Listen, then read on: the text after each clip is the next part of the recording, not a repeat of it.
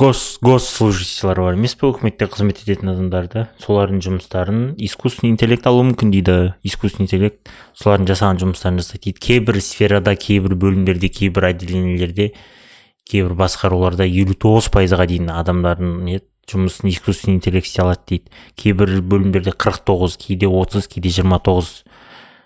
Абайлаңыздар байқаңыздар. Жалпы қағазбен отчетпен статистикамен походу только искусственный интеллекттер айналысады. Менің ойымша алда солай болады.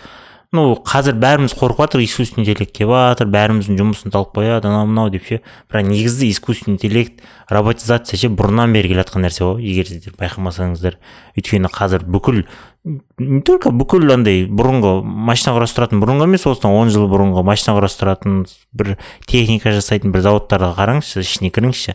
Ол жерде бәрі роботизация болып кеткен. Қазір вообще бір тоқсан пайыз кейбір жерлерде вообще тоқсан сегіз пайыз роботизация шығар. Сондықтан да ол жерден де адамдар жұмыстан кеткен. Ал енді искусственный интеллект жаңағыдай не дейтін еді? Адам жаңағыдай статистика ақпарат ыыы не дейтін мимен ойланатын сондай сондай нәрселердің бәрін жайлап қолына алып жатыр да. И мне кажется ол расымен сондай болатын сияқты. Бұл бір жағынан жақсы да емес бір жағынан жаман да емес.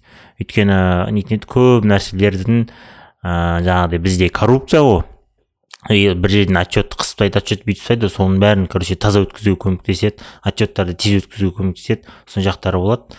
Ыыы жалпы негізі искусственный интеллектпен бірге жұмыс істеу керек.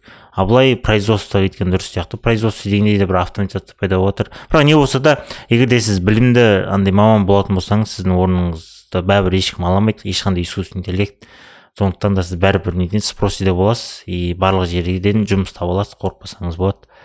И жаңалық телеграмда сторис пайда болады екен. Не деген жаңалық деймін да қаншама күттік е мое деймін да. Еще павел дуров айтады что бұл нововведениені көп адамдар күтті дейді. Прям көп адамдар осыны қалады дейді. Қашан қоясыңдар қашан саласыңдар деп. Все болды қаладыңдар мін саған деп жатыр ғой енді. Ә, осы шілденің басынан бастап сондай стористер пайда болады дейді. Сол стористерді алты сағатқа он екі сағатқа жиырма төрт сағатқа және қырық сегіз сағат қылып қоюға болады екен.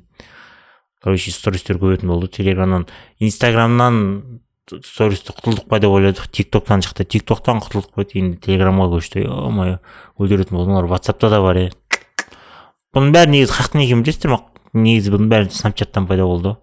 Вот снапчат соны нововведение енгізді. Новый новатор болып и бәрі көшіріп алды. Қазір көбінесе бұл негізі инстаграммен андай ғой ассоциация болатын.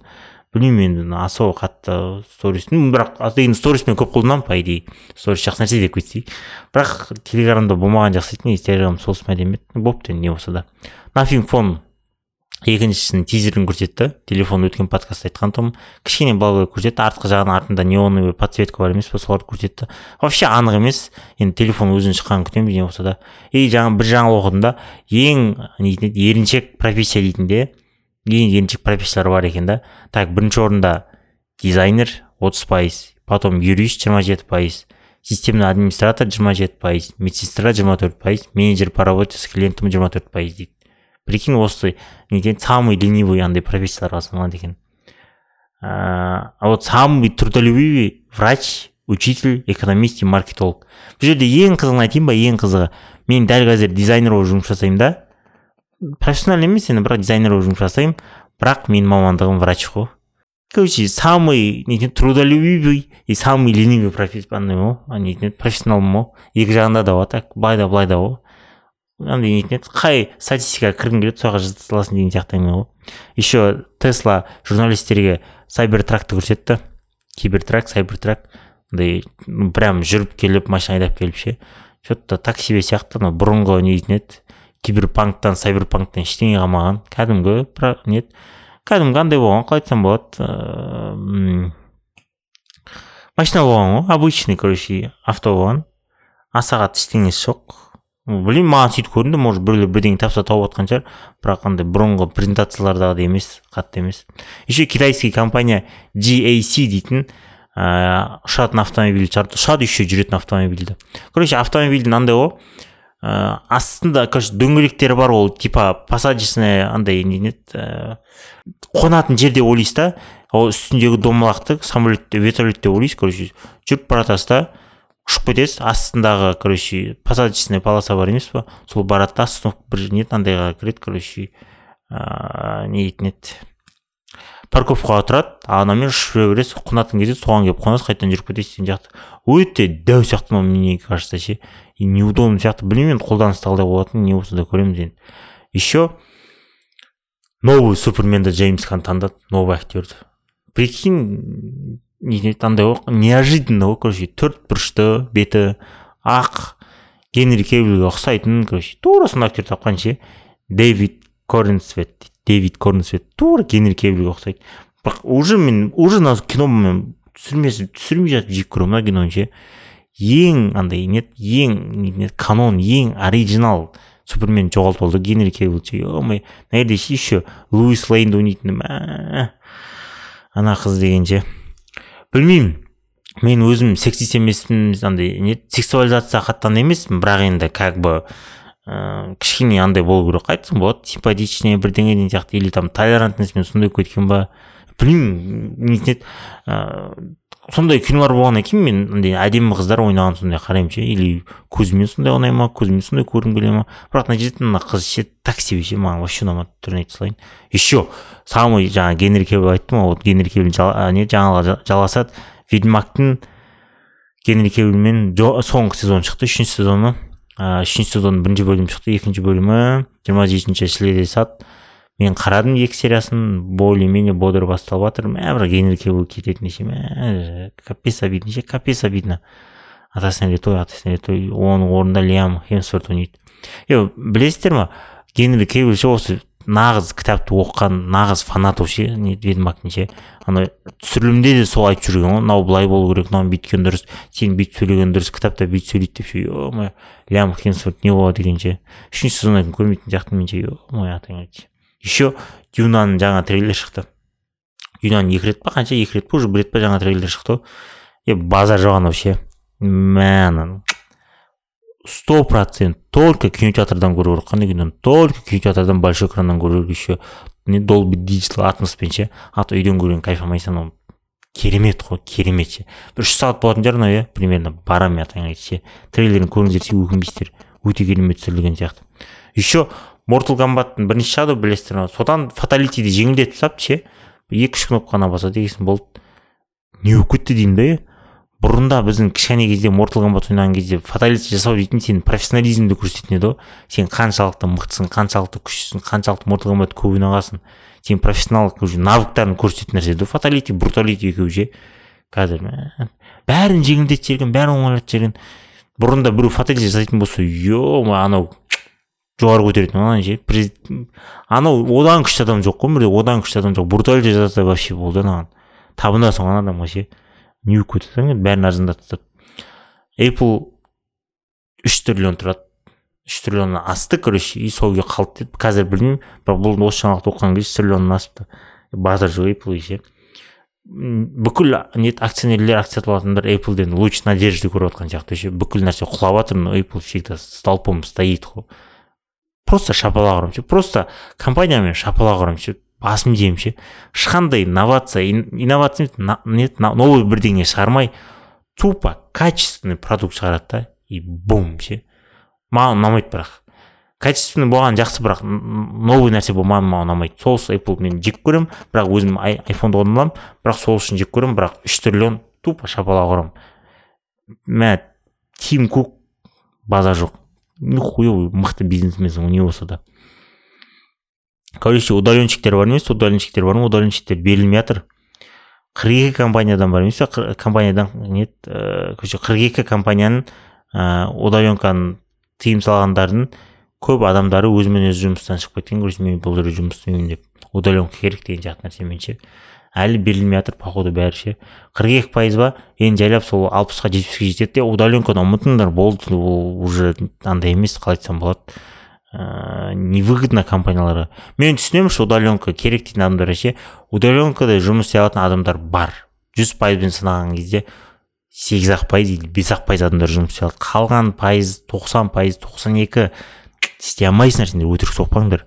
Тупо ұйықтарын қандыру керек. Жұмысты созу керек өңшең сондай сендер продуктивный жұмыс істей алмайсыңдар мойындаңдарсай қашай берген не шығады өйтіп а болды. Удаленка ұмытыңдар.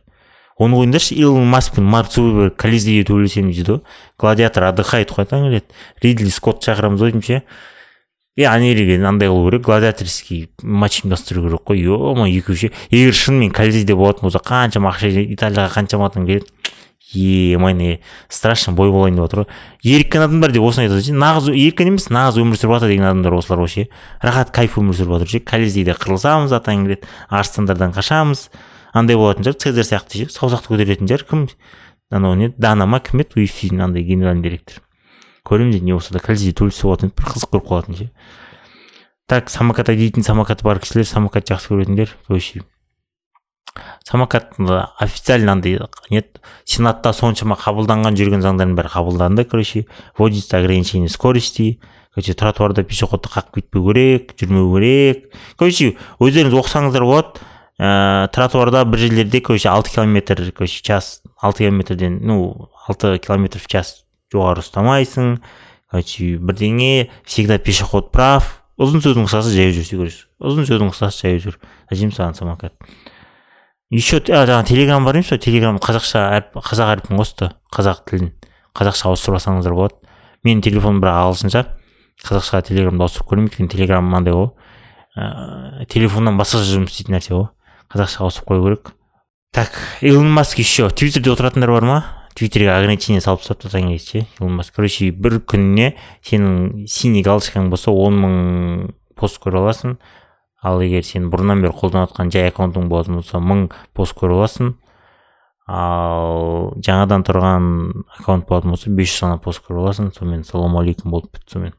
Еще iOS он жеті бар емес iOS он жеті новый обновление айфон сода короче киімнің биркаларын оқуға болады екен егер түсіретін болсаң че почем не екенін түсіндіріп береді екен мен вообще соны мен киім биркаларын қараймын да всегда оқимын деймін да оқимын бірақ ұмытып кете беремін ше оқимын ұмытып кете беремін ше. Бірақ оның биркасын қарағанда да онымен полезно ешкім ештеңе істемейтін сияқты ше. Мысалы менде жазылып тұр ә, стиралка жуып алмайды деген қаяқ только стиралкаға жуасың ғой. Не мындай аман болсын деп қалай айтсам болады. Стиралка аман болсын деп қолмен никак никогда жумайсың ғой. Атака титановтың тизері шықты соңғы заключительный часть соңғы сезон. Соңғы сезон шығар деп енді тілеп жатыр енді а то соңғы сезон соңғы сезон деп үш сезон жүрдік қой көреміз енді мен полный шыққанын күтіп отырмын а былай толық сезонын қарамадым бірақ оған дейін не сезондардың бәрін қарап тастадым мангасын оқып тастадым мангасы топчик ыыы енді анимесі кішкене кішкене подкачает но походу ақша керек анаған ше жестко соңғы арканы түсіру үшін жестко ақша керек походу ақша жоқ сияқты ана дейтін еді студияда. Не болса да көреміз енді бірақ бітіреміз ғой по любому көрмеймін десең де көресің ғой енді көреміз енді. Ыыы тағы не тағы не. Еще андай шығыпты да не дейтін еді. Бизнес финансинг дейтін ше аналитика жасапты да қай жақта қандай миллиардерді жек көреді қай жақта қандай миллиардерді жақсы көреді деген сияқты ше. Сода короче трампты почти бүкіл әлем жек көреді ғой. Бірінші орында трампты бәрі жек көреді потом джефф безосты жек көреді. Одан кейін руперт мурдоч ма руперт мурдоч дейтін бар екен. Оны танымаймын мен. Одан кейін марк цукерберг жек көреді потом билл гейтс жек көреді. Біз жақта қазақстанда короче статистика жүргізбеген ыыы россия джефф безос жек көреді. Ал кім қай жақты жақсы көреді? Короче ең бірінші орында билл гейтс екінші орында прикинь илон маск илон маск бірінші орынға шамаған. Потом джефф безос потом шарил сан не шерил сандерберг потом ричард брэнсон. Біз жақта статистика жүргізбеймін бірақ мен айта аламын кім жақсы көреді? Илон маск жақсы көреміз біз по любому өйткені джефф безос бізде кім екенін почти ешкім білмейді. Билл гейтс аз адам біледі. И то так себе ол. Хайповый миллиардер емес.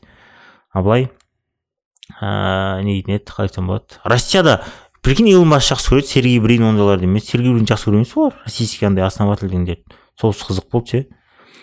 Все болды бүгінгі жаңалықтар бітті.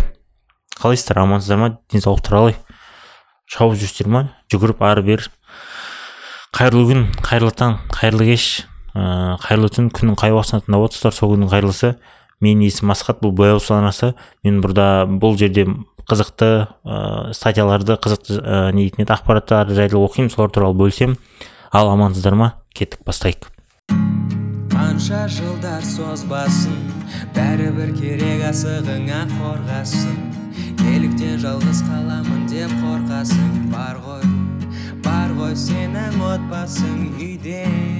Қару жарақ қарулану жарысы дейді. Неліктен соғыс алаңынан аулақ болу керек дейді. Он жиырма жыл бұрын шағын көшірме копировальный бизнес қандай болған есіңізде ме дейді. Қарапайым сауда орындықтары бірнеше көшіру машиналары тұрған бөлмелер. Көшіруге арналған құрылғыны өз бетінше қолдануға болады. Монетаны салу, а, са- а, саңлауға салу жеткілікті. Бүгінгі а, біз көріп а, жүрген кәсіпорынға ұқсастық ұқсастық мүлде жоқ дейді. Қазір бұл нағыз кішкентай баспаханалар дейді. Сізге түрлі түсті басып шығаруға және таңдау үшін жүздеген түрлі қағаз түрлерін ұсынады. Байланыстыру переплет жоғары технологиялық жабдықты автоматты түрде жасалады дейді. Былайша айтқанда қа- қалаған затыңызды қалаған түрінде жасап береді. Бұл технологиялық ажайыптар мекеме иесі мен оның жұмысшыларының пайдасын керемет түрде арттырды деп айт а, деп ойлауға болады дейді. Өкінішке орай жоқ дейді. Бұрынғы жылдары бұл бизнестегі табыс өте қарапайым болды ал қазір ол тіпті азайды. Өзіңізден а, өз, өзіңізден байқаусыздан пайда болатын өтемақы және қымбат механизмдер мен құрылғылардың қайтарымы қайда кетті деп сұраған, сұрағыңыз келеді дейді. Короче өзіңізден сұрағыңыз келеді дейді да жаңағыдай. Күшті технология күшті жаңағы принтер дәу принтерлер футболкаға басып шығару андай мындай дейтін бәрін солардың бәрін күшті нәрсе ғой. Содан ақша тауып жатыр деген бәрі қайда кетті деген сияқты нәрсе өзіңізге сұрақ қоясыз деп жатыр да. Көптеген жастар керемет мансап үшін яғни карьера яғни карьера үшін жақсы білім қажет екенін қажет, екеніне сенімді.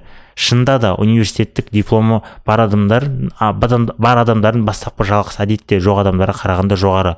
Алайда мен байқа, байқаймын егер сіз білімнің құнын және оның алуға жұмсалған уақытты алып тастасаңыз онда студенттің жағдайы ұзақ оқуға күш, күш жұмсағандарға қарағанда жақсы емес дейді. Ал жұмыс өмір сүру уақыты және жұмсалған ақша үшін өтемақы қайда дейді?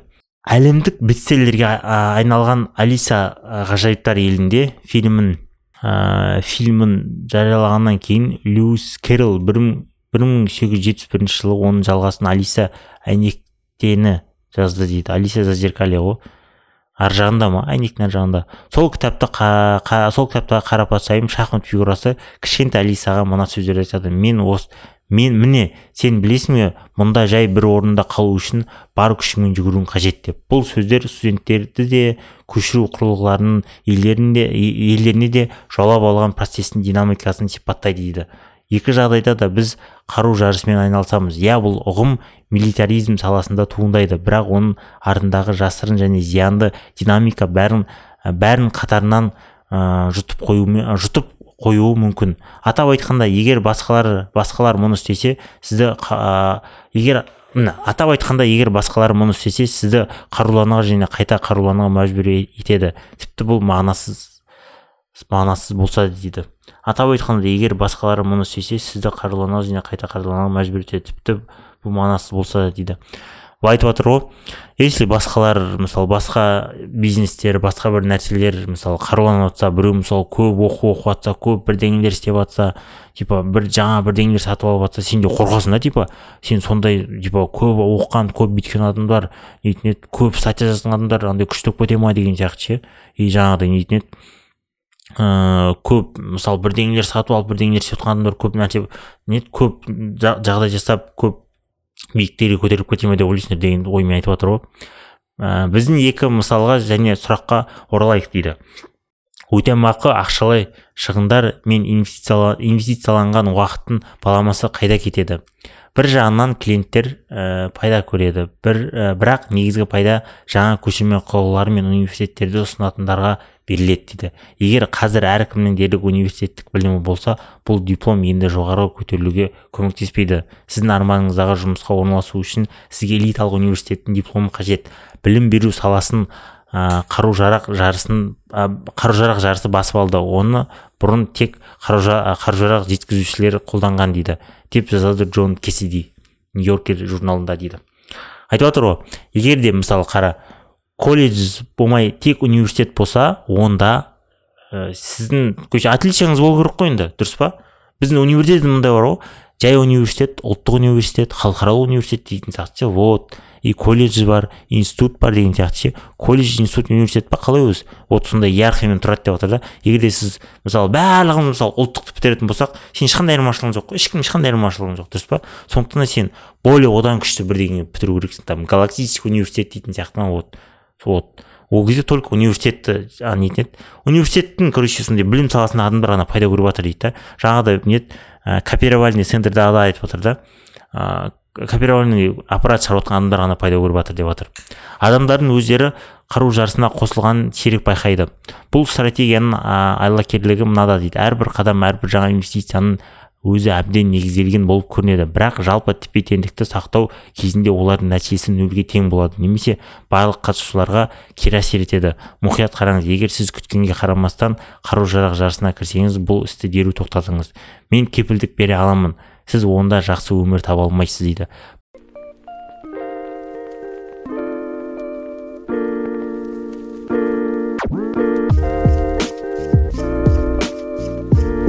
Бірақ бұл жарысқа қалай қатыспауға болады? Өзіңізге оның иесі, ә, иісі де шықпайтын бір жұмысты табыңыз. Мен достарыммен жаңа get абстракт жобасын бастаған кезде біздің критерийлеріміздің бірі қару жарақ жарысының динамикасы жоқ болуы. Ә, дәлірек айтқанда біздің проект ә, бәсекелестіктен тыс ә, бәсекелестіктен тыс. Шынында да 10 жылдан астам уақыт бойы біз бизнес кітаптарын қысқаша түрде ұсынған жалғыз адам болдық дейді. Бұл тек армандайтын керемет жағдай дейді өткен тарауда біз мамандырудың маңыздылығы туралы айттық. Бірақ мамандырудың өзі жеткіліксіз. Өйткені терең жасырын қару жарақ жарысы ең кішкентай нишаларды да басқара алады Сон, сонымен сізге барлық шеберлігіңізбен әрекет ете алатын бірақ сонымен бірге мәжбүрлі бәсекелестіктен босатылатын сфера қажет дейді стартапты айтып отыр ол жаңа новый бірдеңе алып кел деп жатыр ғой. Сол жаңа бірдеңе қатыспасаң мне кажется барлық жерде андай бар конкуренция бар. Сен стартаппен кіресің жаңа новый бірдеңемен потом сондай жасайсың и сөйтіп көтерілесің. И не факт что сенің стартапың күшті болып кетеді. Как бұл жақта екі түрлі ой бар міне. Сен стартап жасайсың жаңағыдай гет абстракт дейміз сондай стартап жасаған бұл күшті болып кеткен. А если сен бірдеңе жасайсың сенікі күшті болмайды өйткені стартаптың сексен процент жетпіс тоғыз пайызы бірінші этапта құлайды ғой. Типа конкуренция жоқ жерге бар дегенмен келіспеймін мен негізі. Өйткені конкуренция бар жерде адам конкуренция көп жерде значит клиент те көп ақша да көп деген сөз ғой. Бұл жаққа мне кажется бару керек но более новый подходпен бару керек сияқты. Вот осы дұрыс сияқты деп ойлаймын мен. Может қателесіп қалатын шығармын. Жаңағыдай ештеңе жоқ жерде ештеңе жоқ жерге де баруға болады если сен ештеңе терять етпейтін болсаң ну сенің типа сол мақсатың болса арманың болса баруға болады. Иә базар жоқ сен бірдеңе жасап күшті күшті бірдеңе жасап соңында нетін ақша тауып андай күшті болып кетуі мүмкін компанияң күшті болып кетуі мүмкін ондай да болуы мүмкін. Бір жағынан дым да дым да пайда көрмеуі мүмкін ғой. Конкуренцияда мысалы керек деп ойлаймын конкуренция если ол жерде ештеңе болмаса конкуренция болмаса значит дохлый сфера шығар өліп қалған сфера шығар ал егер жаңа бірдеңе қоспа дейді сен енді отличать ету үшін жаңа бірдеңе қосу керек қой. Мне кажется олсыз болмайтын сияқты. Мысалы сен бірдеңелер істейсің нормально тауып жатасың сөйтіп ол нәрсені басқа біреулер істейді сен потом тағы басқа нәрсе істейсің. Или бүйтуге болады қарулану деген бұл жерде айтып жатыр ғой жаңа техника технология сатып алу керек деп жатыр ғой. Жаңа техника технология сатып алмай новый продукт шығаратын болса вот иә осы дұрыс сияқты. Типа новый продукт. Сенде бар нәрсемен новый продукт шығара беретін болсаң мә ол үшін сенде қанша креатив қанша идея болу керек. Басың тоқтамай жұмыс істеу керек қой. Бұл жарыс әсіресе көптеген адамдардың өз жұмысына деген көзқарасын қарастырған кезде байқалады. Мысалы әріптестер неғұрлым ұзақ жұмыс істесе жұмыстан босатылмас үшін оны жұмыстан шығарып жібермес үшін адамның өзі соғұрлым ұзақ жұмыс істеуге мәжбүр болады. Осылайша адамдар жұмысқа ақылға қомды өнімділік талап еткеннен әлдеқайда көп уақыт жұмсайды. Біздің қазіргі ата бабаларымызбен аңшыл, аңшыларымызбен және жинаушыларымызбен салыстырыңыз дейді. Назар аударыңыз. Өткен адамдар аптасына 15 пен 20 сағатқа дейін жұмыс істеді қалғаны бос уақыт дейді. Жұмақ өмірі дейді. Егер біз мағынасыз жарыс болмаса біз осындай жағдайлармен ләззат алар едік. Антропологтар аңшылар мен жинаушылар дәуірін жалпы әл ауқаттың алғашқы қоғамы деп атайтыны таң қаларлық емес дейді. Ол кезде заттарға ие болу үшін бәсекелесудің қажеті жоқ дейді. Өйткені адамдар отырықшы емес көшпенділер отырықшы емес көшпенді өмір сүрді дейді. Көшпенділер онсыз да өздерімен бірге көп нәрсені алып жүруге мәжбүр болды. Садақ жебе найза кішкентай балалар кішкентай балалардың дейді. Өзіңізді басқа қоқыспен тағы да жүктейсіз бе дейді? Осы сөйтіп бәрін тасып жүресің еще өзіңмен бірге басқа қоқыс аласың ба дейді? Әрине алмайсың. Жоқ рахмет. Ол кезде қару жарақ жарысына жарысы әлі қажет бол қажет болған жоқ кездер еді дейді.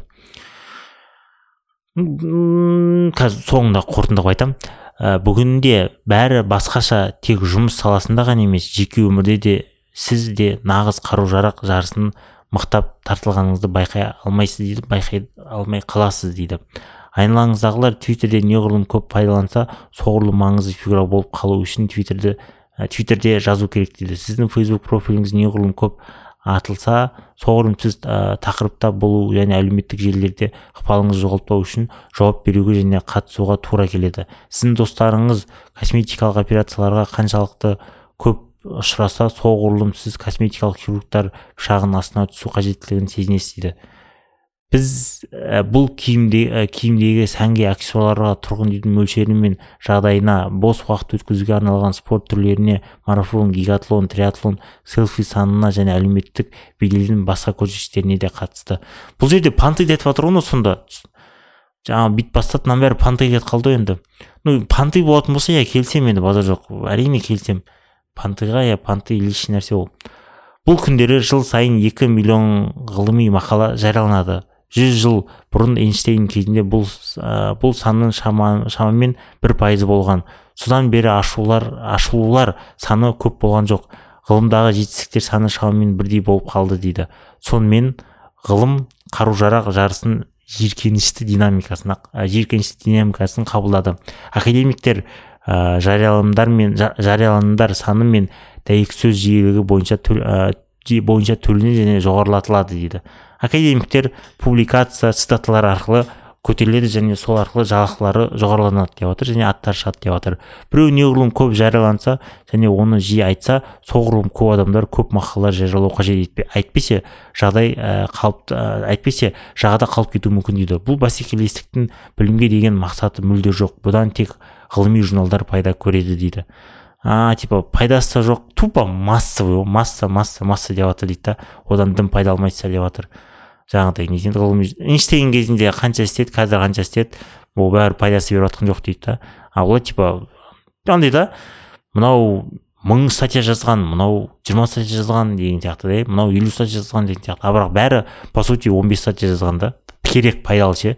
Бірақ анау көбісі жүз статья жазған дейтін сияқты адамды алады деп жатыр жұмысқа. Тупо андай да. Арсеналда андай ғой. У меня большой у тебя маленький деген сияқты нәрсе болып тұра берді.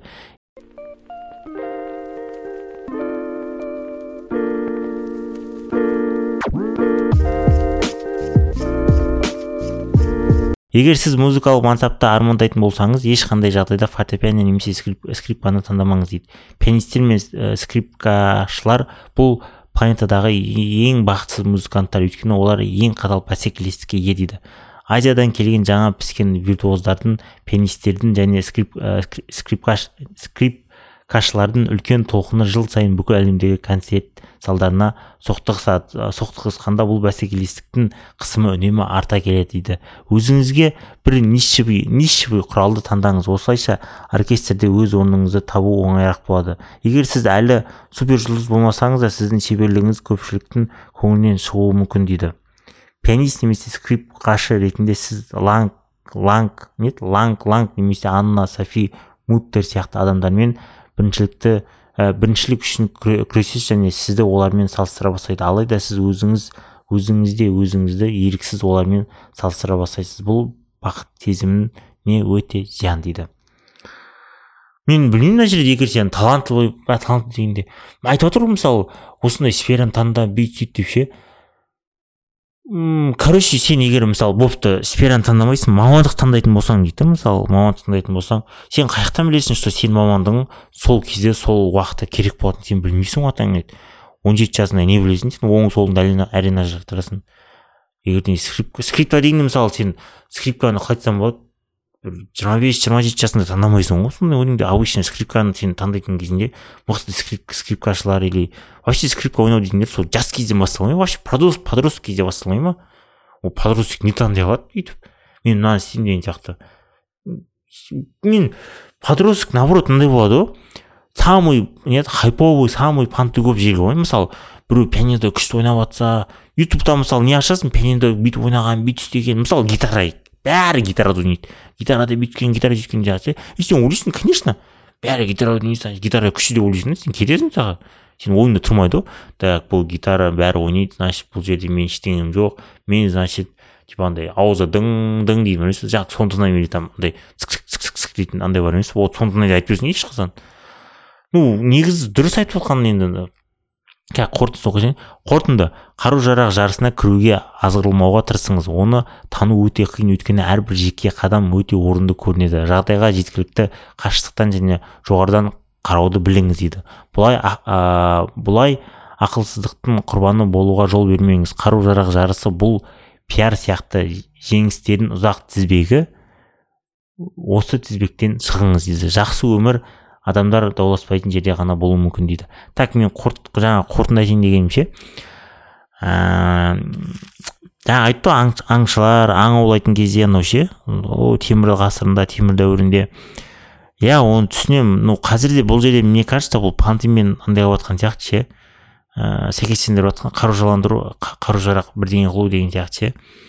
Так міне бір егер де мысалы сенде нормальный өзіңе жеткілікті отбасың жеткілікті үйің болып тұрса бәрі жақсы жақсы болып тұрса я айтып отыр ғой типа зачем сен андай үй алып менде осындай үй болу керек бүйтпе ондай қажет жоқ қажет жоқ деп отыр. Если сен өзің қаласаң өзің андай қылсаң алуға болады деп отыр да жаңағыдай машина да соған байланысты жаңағыдай сен типа материальный сен қоршаған нәрсенің бәрі соған байланысты деп жатыр бірақ жаңағыдай если сен бір бизнес бір сферада болатын болсаң дейді да мысалы қараңыз егер де бір аппарат бар да мысалы бірдеңені теседі да ол и сол аппаратқа сіз бірдеңе тесесіз потом екінші аппаратқа соны күйдіресіз потом үшінші аппаратқа соны кептіресіз потом төртінші аппаратқа соны қаптайсыз да. Если жаңа аппарат соның төртеуін де істейтін болса сен соны сатып алмайсың сатып алмай жүретін ақымақсың ба? Сатып аласың ғой. Төртеуі короче дүрдік дейді да. Сен біріншіден бәрін бір жерде жасайсың екіншіден уақытыңды үнемдейсің өнімдейсің үшіншіден сен зат көп шығарасың төртіншіден сен көп ақша табасың. Ойын ойын болып тұр ғой. Білмеймін мен дұрыс түсінбеген шығармын бірақ иә барасында бар жаңағыдай мне кажется ол пантыға істеп жатқан сияқты қару жарақтандыру деген сияқты ше. И оқу дегенде де сондай деп ойлаймын мен нетін еді. Көп оқи бергеннен мен иә особо қатты андай көрмедім мен бір пайда пайдалы бірдеңелерді ше өйткені енді докторантура бірдеңе шірдеңе деп оқып жатқандар бар ше олардың мен бір заң ашып бірдеңені өзгертіп білімге жаңа бірдеңе әкеліп жатқандарын көрмедім мен. Бар арасында но олар өте аз ал қалғандарының бәрі өтірік оқып жүр ғой. Мойындайық та сондай ғой. Оған иә келісемін если сен оқуың керек болса сен оны қолданатын болсаң оқыған дұрыс әрине. Если қолданбайтын болсаң зачем оқы деп жатыр ғой. И жаңағыдай да ну бұл жерде көріп тұрсыздар ма? Просто қалай айтсам болады. Если сен оқимын берсең де андай болып тұрсың ғой. Мысалы сен колледжде оқисың или там бір университетте оқисың типа сен университетің не очень болатын болса ана университетте оқып келген адамдар айтуы мүмкін нет оқып келген адамдардың қасында сіз черт болып көрінуіңіз мүмкін да ше. И типа соны алу мүмкін деп жатыр да. Иә бұл жерде сіз өзіңізді көрсете алмайсыз басында базар жоқ келсем аналар типа жоғары жалақы болады. И сіз олар мысалы үш төрт андай интервьюдан кейін андай нетін еді ыыы сұхбаттан кейін кіріп кетуі мүмкін жұмысқа сіз бес алты сұхбаттан кейін кіруіңіз мүмкін. Но если сізде қалай айтсам болады ә, біліміңіз соның дәрежесінде болатын болса одан күшті болатын болса сіз по любому тез шығасыз. Бірақ иә егер де сіздің нетін еді жағдайлар болады что универге түсе алмай қалатын бір нәрселер болады. Ну білмеймін енді. Иә мысалы біреулердің бір нәрсеге таланты болады бірдеңені күшті істейді күрде күшті біледі деген сияқты. Бірақ жаңағыдай тарих биология сондай тағы нетін еді? Ыыы математика дейтіндер қатты андай болмауы мүмкін да нетін еді? Жақсы оқымауы мүмкін да. Енді адамды онымен андай қылып тастамаймыз жоқ қылып тастамаймыз ғой бетіне. Сондықтан да сондай ол төмен универге түсуі мүмкін бірақ кейін сіз по любому жарып шығасыз. Бірақ иә бұл жерде пайданың бәрі жаңағыдай публикация көрсететін журналдар аппарат шығаратын заттар көріп жатыр. Оларға келісемін мен универлер пайда көріп жатыр. Қазір вообще мне кажется система образования шаршады ше. Біз ол жерге просто андай үшін барамыз окружение үшін барамыз ше. Мне кажется бүйту керек сияқты. Если ә, саған да бір опыт или бір навык керек болатын болса оқы. Просто андай нетін онлайн оқитын андай бір оқыту нетін еді платформаларды заңды қылу керек та диплом беретін қылу керек олардың диплом короче жарияла нет андай действовать ететіндей қылу керек. Вот соларға барасың тез тез оқисың бір екі жыл бір жарым жыл потом все болды ана мамандықты меңгеріп шығасың. А то бізде төрт жыл оқисың ол төрт жылда сен оқыған мамандығыңды бір жылда меңгеруге болады. Мен оны білемін мен көргенмін. Барлығын емес кейбір мамандықтарды меңгеруге болады. Вот. Сөйтіп істейтін болса базар жоқ енді онда базар жоқ деп оны сондай вот сондай қылу керек деп ойлаймын. Ал мына жерде мне кажется автор сол пантайды айтқысы келген деп ойлаймын мен. Ыыы сол егер сен типа менде бар міне міне міне деп жарыса бермей типа не жаңағыдай бір заттарды бірдеңелерді лучше іспен айналыс деген сияқты да пайдалы керек ше өзіңе керек если сен сол іс өзіңе керек деп тұратын болсаң онда сол іспен айналысқан жөн деп жатқан ғой енді ну сіздерге айтарым понты всегда жаман болған понты всегда жаман болған если қажеттілік сенің ішінен ішкі тұлғаңнан шығатын болса онда мен келісемін толық келісемін егер сен ішкі тұлғаң ішкі нәрсең осы маған керек деп тұратын болса онда ала беріңіз мен сізді андай кінәламаймын. А если сен айналаңа қарап сол адамда бар екен неге менде жоқ сол бүйтті деген сияқты болатын болса иә онда қажет жоқ. Бірақ екінші жағы бар. Сіз өзіңізді всегда өзіңізден жоғары адамдармен салыстыру керексіз. Өзіңізден мықты адамдармен салыстыру керексіз. Ешқашан шүкір деп қалмау керексіз. Ыыы шүкір шүкір ету керек мен келісемін шүкір ету керек. Бірақ шүкір шүкіршілік ету керек аллаға шүкір деу керек та бірақ дальше қимылдау керек. Отырып қалмау керек. Если сенің мақсатың ары қарай амбицияң болатын болса. Если сен сонымен қанағаттанарлық болатын болсаң ешқандай адамға кесірің тимейтін болса ешкімді андай жамандамайтын болсаң өз кайфың өзіңде. Бақытты адамдар болады андай ше. Бәріне көмектесіп жүретін сөйтіп жүретін болсаңыз нұр үстіне нұр. А если өйтіп жүрмейтін болсаңыз значит сіз тағы бірдеңе ойлану керексіз тағы бірдеңені тұрлау керексіз деген сөз ғой. Ну айтарым осы. Айналаңызға бір қараңыз. Айналаңызға бір қарап өзіңізді түсініңіз. Пантыға ешқашан жоламаңыз. Және барлығы ішкі жақтан ішкі не ә, ішкі нәрседен шығу керек. Ыыы всегда нетін еді бірдеңе жасайтын кезде ойлаңыз. Мен всегда айтатын бір сөзім бар. Любой непонятный ситуация кез келген түсініксіз жағдайда ойлан. Любой непонятный ситуация думай деген сияқты болады сол сияқты ойланыңыздар. Бас не үшін берілді бізге. Ойлану үшін берілді ғой. Все давайте сау болыңыздар. Келесі кездескенше келесі көріскенше келесі тастасқанша давайте. Қанша жылдар созбасын бәрібір керек асығыңа қорғасын. Неліктен жалғыз қаламын деп қорқасың. Бар ғой бар ғой сенің отбасың үйде.